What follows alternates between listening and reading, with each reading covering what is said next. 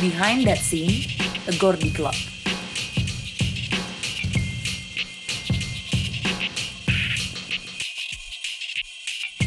Halo teman-teman, selamat datang di Behind That Scene, sebuah acara bincang-bincang tentang musik yang bisa kalian dengarkan secara eksklusif di agordiclub.com. Hari ini di episode pertama Behind That Scene, gue Pramedianata Prawira bakal berbincang-bincang dengan gitaris andal yang dikenal bermain bersama Seringai dan Step Forward. Dia juga merupakan salah satu jurnalis pertama untuk Rolling Stone Indonesia dan dalam dua tahun belakangan ini ia merambat menjadi manajer dari aktor Iko Uwais. Mas Riki Sihan, selamat datang di Behind That Scene, apa kabar? Terima kasih Pram, kabar baik. Apa kabar juga? Aneh ya nanya kabar teman Aneh. Baru ketemu beberapa menit yang lalu. Oke, nah seperti yang tadi se- sebelumnya gue singgung nih Mas, lu udah, tam- udah main bersama Seringai 15 tahun ya? Mm-mm. Sama Step Forward 18 tahun, Mm-mm. sama Rolling Stone Indonesia 12 tahun. Ya, Sebelum kita membicarakan karir bermusik lu yang belasan tahun ini, gue mau mengajak lu flashback nih oke. ke pertemuan pertama lu dengan musik lah bisa dianggap. Ada nggak sih musisi atau band atau album yang bisa dibilang mengubah hidup lu sampai sekarang? Ya. Eh, banyak ya sebenarnya. Tapi mungkin pertama ba- band pertama yang membuat gua eh, tertarik dengan musik itu eh, salah satunya Metallica. Metallica udah pasti karena sebelumnya sebenarnya gue udah suka rock gitu ya, udah suka rock Motley Crue, Iron Maiden. Waktu gue SD yang which is sebenarnya agak aneh gitu karena gue SD itu tahun 1986 kelas 3 kelas 4 gitu, gue udah mendengarkan musik rock yang gue dapatkan dari video klip yang ada di dalam kompilasi rock konser yang disewakan berben- dalam bentuk video beta waktu itu. ya, jadi jadi gue di situ melihat banyak band ada ada eh, Led Zeppelin, Iron Maiden, eh, Motley Crue. Tapi ya gue suka aja, gue suka ah gila ini keren banget ya ternyata culture ini kenapa laki-laki ini sangat melihat laki-laki ketika mereka berdandan seperti perempuan ya. Gitu. Gitu. Iya. gitu. Nah jadi tapi eh tapi ya gitulah gue suka suka banget. Suka suka tapi nggak terlalu yang gila gimana banget. Tapi ketika gue menemukan Metallica tuh kayak ada sesuatu sih memang. Yang mungkin gue bisa dibilang life changing experience-nya di situ gitu. Kayak ini dia nih. Tanpa harus fashion gimana gimana nggak terlalu flashy gimana gimana tapi tetap bisa nendang dan kok kayaknya nempel terus di kepala gua gitu riff riffnya nah jadi dari situlah gua langsung langsung bukan hanya suka musik tapi ingin jadi pemain musik gitu Oke. Ada album atau lagu tertentu dari Metallica? eh Kill 'Em All sih album pertama tuh Kill 'Em All gue dengerin yang Hit the Lights tuh langsung langsung kayak apa ini? gitu. Kenapa ini tidak girls girls girls seperti Motley Crue? gitu. Ini kok kayak ngajak ribut? gitu. Ah gitu. Nah jadi di situlah di di lagu itu gitu. Gue waktu itu gue juga sempat dengerin punk cuman belum terlalu mendalami gitu ya. Tapi pas dengerin itu gue ngerasa apa ya kayaknya ini nih. Nah gitu. Kayak gitu. Oke. Iya. Nah, Mas Riki ini, ini dikenal sebagai gitaris yang sering pakai SG ya. Hmm. Sebenarnya bisa dibilang atau lu masih ingat nggak sih momen pertama kali lu main gitar itu kapan? Momen pertama gue main gitar itu SMA kelas 1 sebenarnya. Gue agak telat ya. Gue agak telat bermain gitar karena semua teman-teman gitaris-gitaris yang gue kenal saat ini bermain gitar rata-rata dari SD, dari SMP. Tapi gue dari SMA itu sebenarnya aneh. Itu gara-gara gue melihat banyaknya teman-teman gue gue sering air gitar gitu, tapi gue nggak pernah main gitar beneran gitu. Tapi semenjak waktu gue SMA kelas 1 gue melihat teman-teman gue kadang-kadang suka bawa gitar kopong dan bermain gitar di sekolahan membawakan lagu-lagu balada hard rock dan dikelilingi cewek-cewek, terus kayaknya agak menarik. gitu loh. Jadi apa? Wah, kayaknya enak juga ya main gitar. Kayaknya kok eh, ada menciptakan hubungan yang berbeda dengan orang-orang yang mendengarkannya gitu. Jadi begitu pula dengan gue ketika gue ngelihat gitaris gitu masalahnya. Kayak kayak gue melihat ada orang yang sebenarnya mungkin biasa banget tapi begitu dia udah menenteng gitar dia langsung menjadi manusia yang berbeda dengan aura yang berbeda gitu. Nah itu gue ingin banget seperti itu. Dan gue lakukan itu ketika SMA dan itu gue inget banget itu prosesnya cepat banget antara gue main git coba beli gitar akustik yang harganya sangat murah waktu itu terus gue melakukan hal-hal yang aneh deh gue latihan sampai 5-6 jam satu hari Otodidak tuh ya. otodidak uh, mendengarkan lagu-lagu Metallica, lagu-lagu alternatif rock waktu itu tahun-tahun 92 93. Uh, apa gua ikutin sampai lead lead gitar Metallica di album Injustice tuh gua ulik pakai gitar akustik gitu. Aneh banget. Iya, aneh tuh aneh. Ya, eh, jadi terus gue baca tablaturnya, namanya istilahnya tuh apa? Eh, kayak bukan notasi, gue nggak bisa baca not, jadi tablatur aja. Terus eh, akhirnya dalam waktu enam bulan gue bisa bermain gitar dengan fasih. Hmm. Sampai akhirnya gue dibelikan gitar listrik oleh bapak gue di kelas 1 SMA dan baru mulai ngeband sejak itu. Hmm. Gitu. Siapa gitar hero lo mas? Gitar hero gua ya udah pasti dulu James Hetfield ya. Hmm. Eh, tapi kemudian gua baru menemukan sosok gitar hero yang sempurna buat gua waktu itu adalah di Billy Corgan Smashing Pumpkins. Eh, karena gua ngerasa dia sangat mewakilin apa ya dalam satu band kok bisa lengkap banget gitu permainan gitarnya. Bisa bisa cantik bisa anggun bisa sangar bisa jahat. Tapi ketika dia tiba-tiba lagu berikutnya dia langsung super manis gitu. Jadi kayak apa ya dan nggak cheesy nggak cheesy eh, sok-sok nunjukin eh, skill ala hard rock atau prog rock gitu.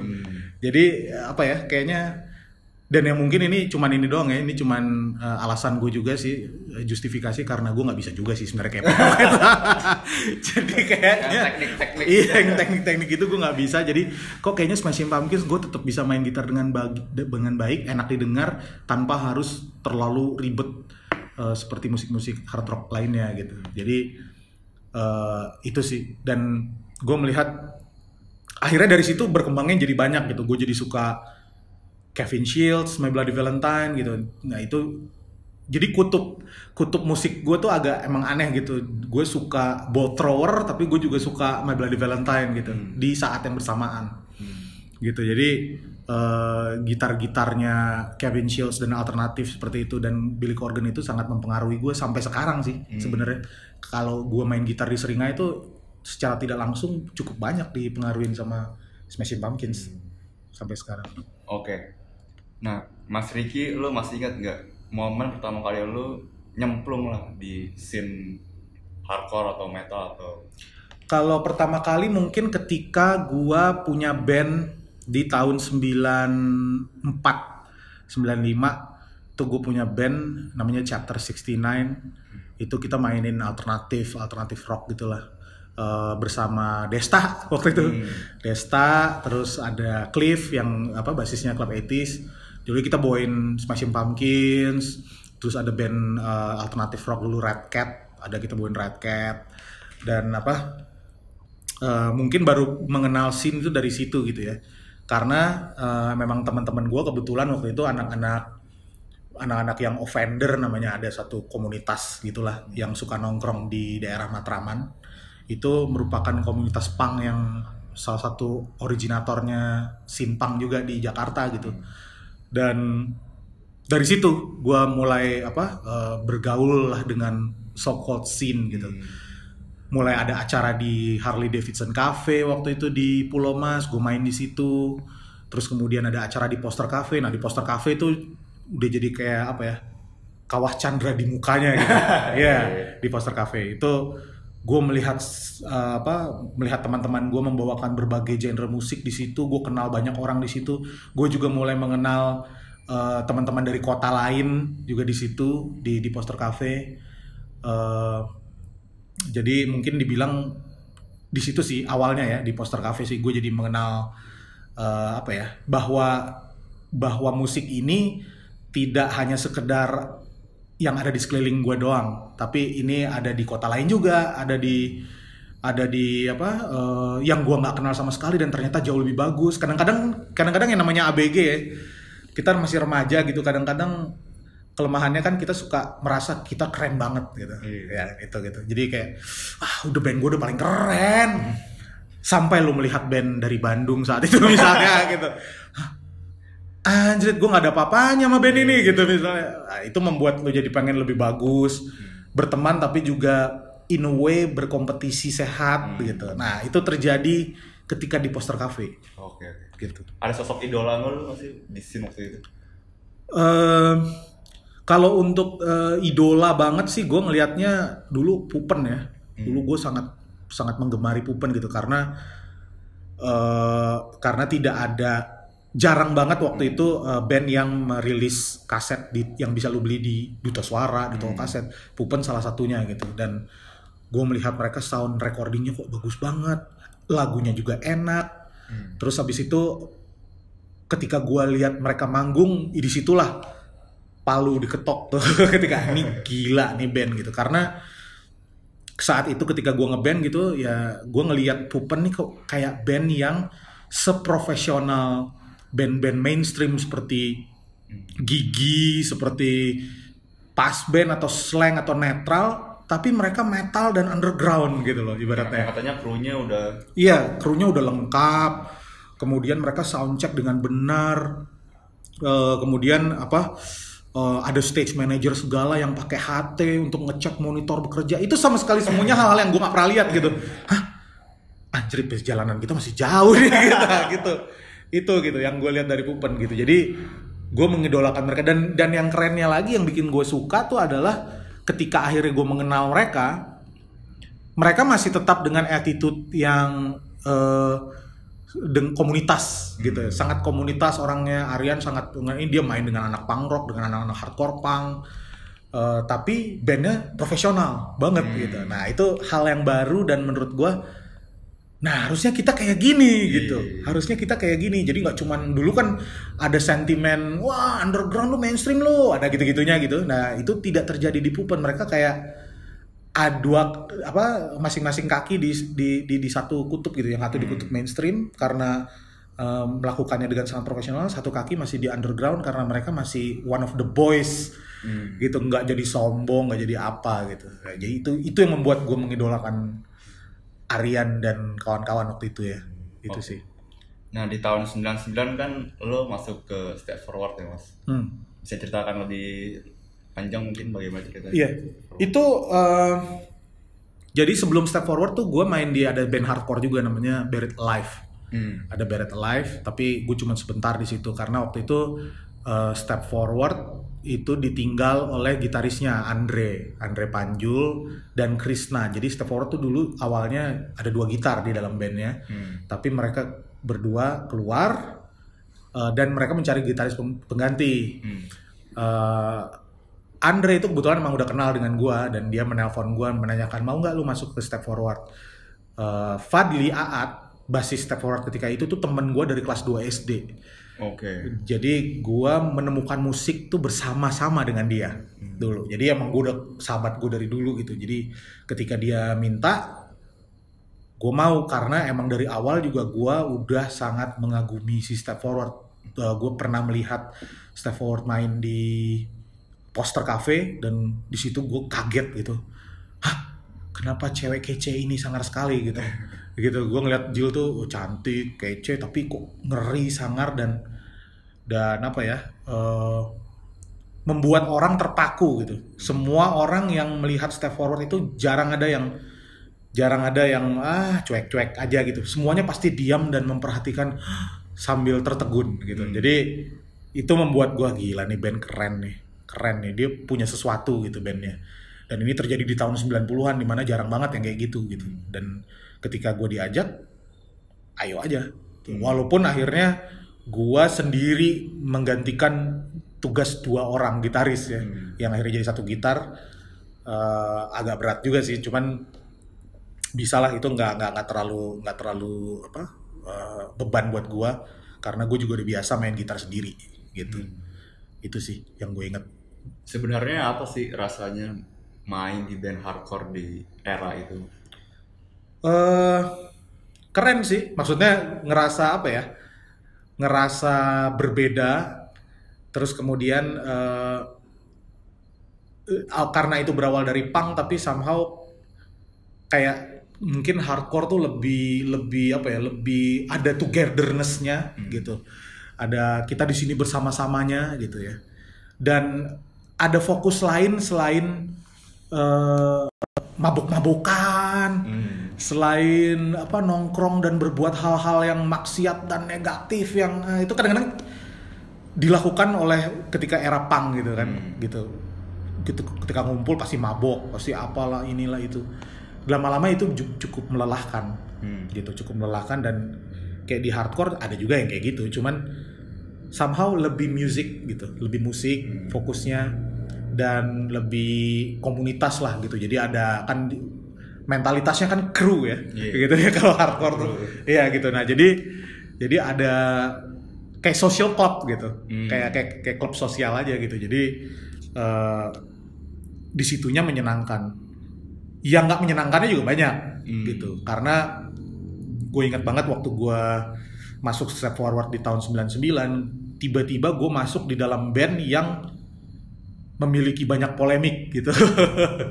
Gitu. Jadi eh, ketika itu ada ada polemik yang berlangsung yang katanya si step forward itu dimusuhi oleh eh, scene hardcore eh, ketika itu karena macam-macam karena vokalisnya perempuan karena dibilangnya anak orang kaya gitu-gitu. Oh masa mobilnya bagus? Masa ininya itu? Atau dulu eh, karena Pupen gue terinspirasi dengan Pupen terus gue berusaha. Ini ini, ini bukan tahun 99 ya tapi di tahun-tahun 2000 2001 gitu gue berusaha membawa step forward ke level yang lebih profesional lah quote unquote gitu. Hmm. yang di mana gue pengen sound check, gue pengen uh, ada manajemen band kalau bisa, terus gue pengen uh, tampil dengan bagus dengan alat yang baik, yang memadai, itu juga menjadi masalah, gitu seolah-olah ah lu ngapain jadi artis, Hmm. artis lo gitu, Gak roots gitu. Ah, nggak roots, ah, gitulah gitu. Nah jadi walaupun gue nggak terlalu peduli dengan hal-hal kayak gitu sih, tapi itu suka dukanya gitu ya. Walaupun nggak ada juga sih yang berani di depan gue langsung, wah lu ini nggak ada juga. Tapi kayaknya itu menghiasi masa lalunya si step forward banget lah hal-hal kayak gitu gitu. Tapi enaknya malah eh, hal-hal kayak gitu membuat malah jadi jadi ini gitu jadi pengen ngebuktiin gitu jadi ada something to prove gitu. Karena menurut gua kadang-kadang band tuh bisa jadi bagus karena punya something to prove gitu. Ketika band tuh udah nggak ah kita mah udah nothing to prove itu jelek biasanya jadinya gitu. Jadi harus punya drive untuk lihat loh ya nah gitu gitu. Nah dan drive itu gue terus terang sih membuat si forward jadi lebih baik lebih baik lebih baik. Gitu waktu itu. Oke. Nah, tadi sempat ngebahas Pupen juga kan, Mas. hmm. Lu masih ingat gak sih pertemuan atau perkenalan pertama dengan Aryan ya? Lamborghini Cafe tahun 2000. Iya. Oke. Lamborghini Cafe tahun 2000. Lamborghini Cafe itu adalah sebuah cafe di eh, Taman Ria Senayan dulu sering mengadakan acara-acara eh, apa musik dulu ada Riff dulu pertama kali di Jakarta sering main di situ. Oke. Terus waktu itu ada acara yang main Pupen gitu. Gue udah udah udah tahu Aryan, Aryan juga udah tahu gue kayaknya karena Jill, vokalis Step Forward udah lebih dulu bersahabat dengan Aryan sebelum gue kenal sama Aryan gitu. Hmm. Dan akhirnya gue gue sambil nonton Pupen gue ketemu dia di situ dan kita berkenalan. Kita berkenalan dan ternyata emang karena gue suka musik, Aryan juga suka musik dan ternyata Aryan juga palet musikalnya juga sangat luas gitu ya sama pas jadi gue kalau ngobrol sama dia nyambung gitu wah ketemu lagi nih anak hardcore atau anak metal yang ternyata suka dream pop yang suka ini gitu. Nah akhirnya membuat kita jadi berteman berteman berteman dan eh, semuanya berawal dari situ sih. Dan gue waktu itu dengan senang hati gitu ya karena waktu itu belum ada tol Cipularang belum ada apa gitu. Ketika Aryan berkunjung ke Jakarta pasti gue jemput ke Gambir gitu. Ini ini belum ada seringai belum ada apa ya. Jadi emang sebagai teman aja gue jemput ke Gambir lu nginep rumah gue terus kemudian ketika waktu itu zaman Step Forward merilis album tuh tahun 2001 eh, 2001 itu kan gue gue mendistribusikan sendiri semua kaset-kaset Step Forward ke Bandung. Itu hampir tiap dua minggu apa gitu gue ke Bandung lewat puncak lewat apa itu gue selalu setiap ke Bandung nginepnya di rumah Aryan selalu. Hmm. dan Aryan membantu nemenin gue ke distro-distro naruh kaset gitu satu-satu. Ntar dua minggu lagi gue ke Bandung lagi dia nemenin lagi. Dari situ sih pertemanannya awalnya Terus apa sih pemicu kalian nih membentuk Seringai pada akhirnya? eh pengen bikin sesuatu yang belum pernah kita bikin sebelumnya itu satu. Kedua, kayaknya Aryan masih belum masih unfinished business gitu ketika Pupen bubar gitu. Dia kayak ngerasa enggak ah, gue masih pengen main band gitu. Sementara waktu itu kan kalau eh, Robinnya kan mau pindah ke Bali. Aryan juga akhirnya mencoba nasib ke Jakarta gitu. Dan eh, dia masih suka musik, passionnya masih masih menggebu-gebu di musik.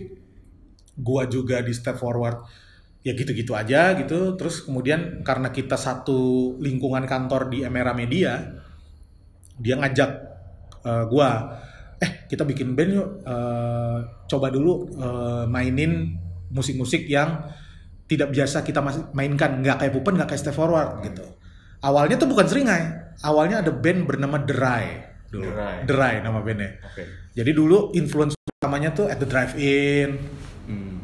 uh, Texas is the reason, band-band Revelation yang Kiss It Goodbye gitu-gitu yang tapi ternyata itu kan harus lebih melodius, lebih bernyanyi.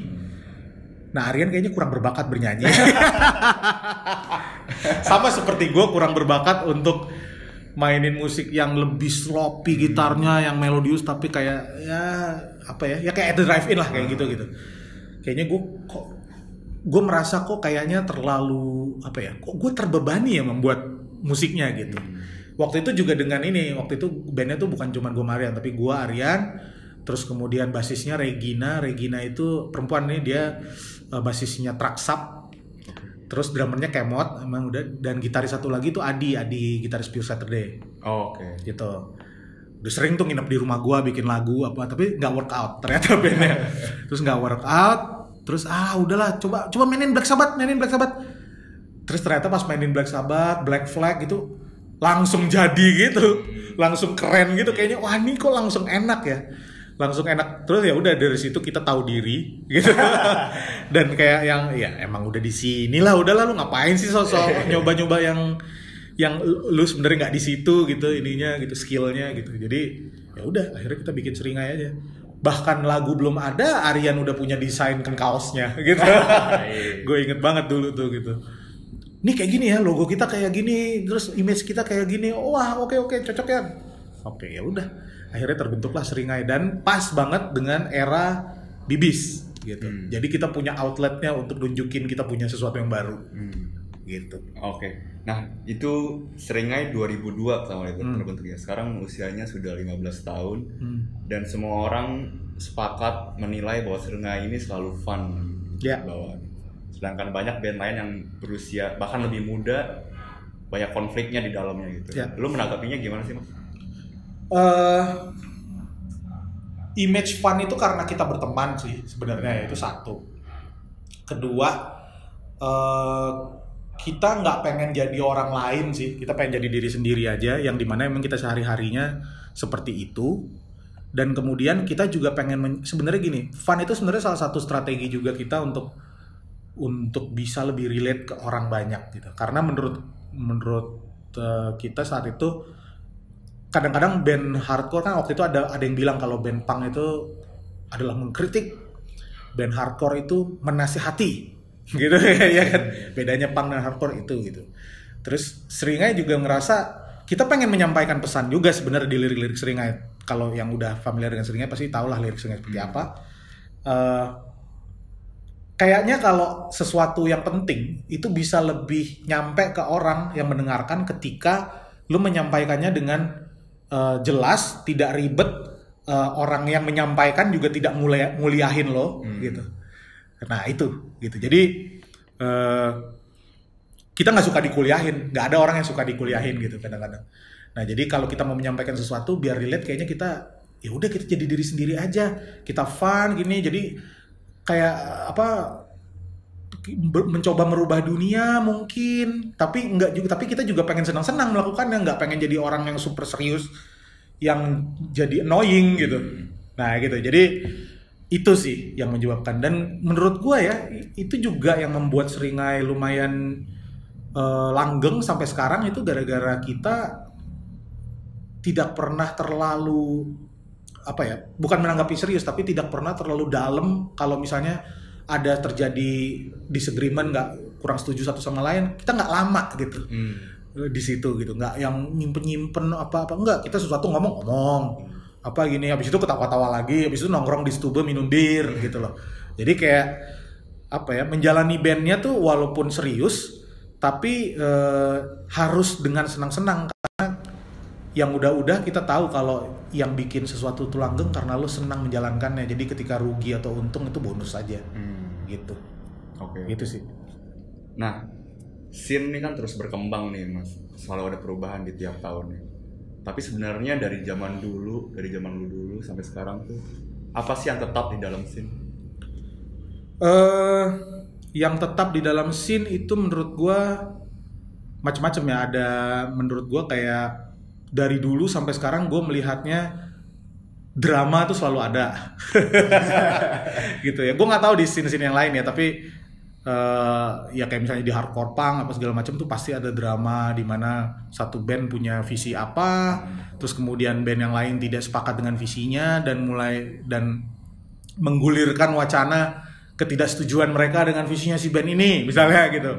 Kayak gitu. Dan itu itu berlangsung dari dulu kadang-kadang sampai mau ada perang dingin kadang-kadang akhirnya jadi baikan gitu. Jadi menurut gue dari tahun 90-an kayaknya masih begitu. Cuman lebih baik sekarang sih menurut gue karena eh, apa namanya itu semua jadinya outcome-nya jadi positif gitu. Jadinya eh, band juga tahu nggak ngomongin di belakang doang tapi nunjukin gitu. Hmm. nunjukin wah dan menurut gue sih nggak apa nggak sah sah aja kayak gitu menunjukkan ketidaksepakatannya apa segala macam dan apa akhirnya jadi diskusi. Ada yang gue ngeliat yang awalnya perang dingin terus lama-lama ngobrol ketemu terus akhirnya jadi baikan. Akhirnya jadi ada ada apa ya istilahnya dialektika lah gitu Hmm. antara orang-orang di dalam scene-nya gitu. Dan itu itu hal yang positif buat gua sih. Eh, asal jangan terlalu berlarut-larut ya gitu. Dan apalagi yang yang, ter- yang terjadi dari dulu sampai sekarang sama itu menurut gua eh apa ya mungkin passionnya sih menurut gua tidak berkurang sama sekali ya Hmm. jadi band-band seperti Straight Answer itu menurut gue menunjukkan eh, bahwa lu ketika lu terjun, lu terjun for life gitu, Hmm. untuk lu seumur hidup. Udah stroke dan sakit dan kemudian sembuh lagi aja, dia masih meneruskan lagi. gitu. Dia masih meneruskan gitu dan itu bukti nyata gitu kalau eh, kalau lu berada di dalam scene ini ya lu tunjukin lu punya dedikasinya bukan cuman anget-anget tai ayam yang cuman masuk terus kemudian eh, ketika lu udah kerja ah udah nggak penting itu dulu gua kayak gitu. Eh, nggak gitu gitu. Iya. nggak gitu gitu. Dan dan itu ditunjukkan juga sih dari banyak band gitu. Ih, banyak gitu band-band yang gue tahu orang-orangnya berasal dari scene-scene tahun 90-an yang masih eksis sampai sekarang gitu. Dan dan passion kayak gitu menurut gue gila sih. Gila. Dan teman-teman yang datang di luar tahun 90-an yang lebih baru-baru juga gue ngelihat banyak kontribusi gitu. Hmm. banyak kontribusi. Jadi mereka bikin event mereka ngedatengin band dari luar mereka jadi promotornya. Yang kayak kayak gitu supaya Rossi terus-terusan ada event eh, musik punk atau hardcore atau metal gitu. Itu kan butuh dedikasi ya gitu. Kadang-kadang gue tahu itu nggak menghasilkan uang yang gimana gitu tapi itu terus dilakukan. Dan itu sama persis semangatnya dengan yang gue lihat waktu tahun 90-an gitu. Hmm. gitu ini bukan berarti ini semua menjadi lebih apa lebih lebih menjadi industri apalah berteori A B C gitu tapi nggak lu jalanin lu jalanin aja gitu itu masih sama menurut gue sampai sekarang Oke. ya Nah, sekarang lu udah berkeluarga nih Mas Riki. Hmm. Udah punya anak juga satu. Iya. Perbedaannya apa sih Mas ngeband setelah lu sudah berkeluarga gitu? Eh, perasaannya sebenarnya sih sama-sama aja ya maksudnya eh maksudnya passion gue masih sama dulu sampai sekarang walaupun gue udah punya anak gitu. Cuman mungkin sekarang adalah gue tidak bisa sesosial dulu. Maksudnya sesosial tuh eh bergaul sana sini nongkrong sampai jam segini gitu-gitu tuh udah udah nggak bisa karena eh, ya ada prioritas yang lebih penting gitu. Eh, terus kemudian kalau masalah mata apa main band untuk mata pencaharian apa segala macam dari dulu juga dari awal kita nggak pernah kayak gitu. Makanya Seringai atau Step Forward tidak pernah kayak gitu karena makanya kita selalu punya pekerjaan uh, 9 to 5 gitu. Hmm. supaya kita tidak menjadikan band ini mata pencaharian utama kita gitu. Dan uh, apa mungkin bedanya adalah lebih kangen aja sih kalau misalnya lu keluar kota gitu. Lu pengen cepet pulang. Kalau dulu kan keluar kota. Nggak pengen pulang. Ya. Nggak ngapain pulang kan. Ngapain dulu kayak kita? Ngapain kayak nah ini udah nggak terlalu gitu. Udah nggak terlalu kayak gitu. Paling kita pengen pulang main sama anak. Atau mungkin sekarang itu lebih pengen ngajak anak nonton bapaknya gitu. Jadi gue ngajak anak gue nonton yuk. Eh, seringai main. Dan anak gue juga kebetulan suka juga dengan seringai gitu. Jadinya jadinya apa ya eh, ada sensasi yang berbeda aja ditonton sama anak lo sendiri gitu. Jadi kayak itu jadi drive baru gue untuk bisa tampil lebih bagus karena ada anak gue yang nonton gitu. Kalau dulu kan penonton gue udah ma- manggung ya seringnya cukup sering main gitu. Selama belasan tahun ini yang udah ratusan kali kita main di depan penonton gitu. Akhirnya kan sensasinya kan udah familiar gitu kan. Iya. gue kalau main depan penonton pasti gini rasanya. Tapi kalau ditonton sama anak itu rasanya kayak lu manggung di Bibis tahun 2002 gitu. Iya. itu sih gitu. Karena lu nggak pengen anak lu kecewa lu pengen anak lu bangga sama lu Hmm. gitu ya. Itu itunya tuh menyenangkan sih. Oke oke. Nah di tahun 2013 nih secara mengejutkan lu kena serangan jantung nih mas. iya. Ada hikmah kah atau ada perasaan yang lu hikmah banget hikmah banget. Gue jadinya olahraga terus kemudian gue merevaluasi ulang hidup gue gue jadi ya ini emang gitu sih. Gue orangnya tipenya kayak gitu ya. Gue orangnya keras kepala keras kepala sampai akhirnya ada yang menjewer dan kemudian baru gue eh, baru gue kaget dan mulai berpikir gitu.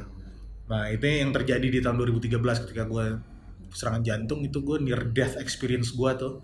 Dan membuat gue jadi berhitung ulang gitu sebenarnya yang lu lakukan ini untuk apa semua terus kemudian eh, lu bilang lu sayang sama anak lu sebenarnya lu beneran sayang atau enggak? Gitu Hmm. ya kayak gitu.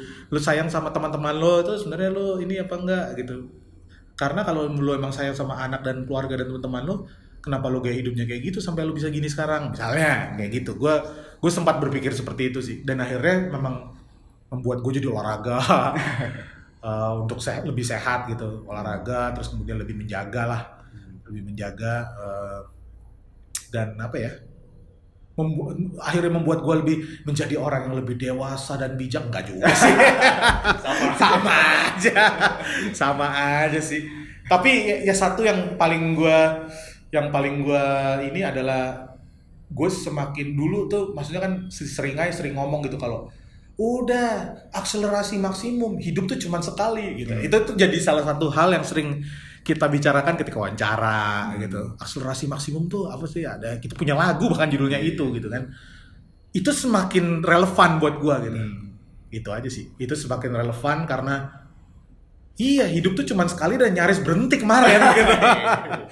Gitu. Oke oke. itu sih. Sip, terima kasih banyak Mas Riki sama-sama Pram. Telah hadir di Behind That Scene. Semoga album Seringai terbarunya lancar. thank you Sampai jumpa lagi di Behind That Scene episode berikutnya di agordicut.com. Sampai jumpa dan terima kasih.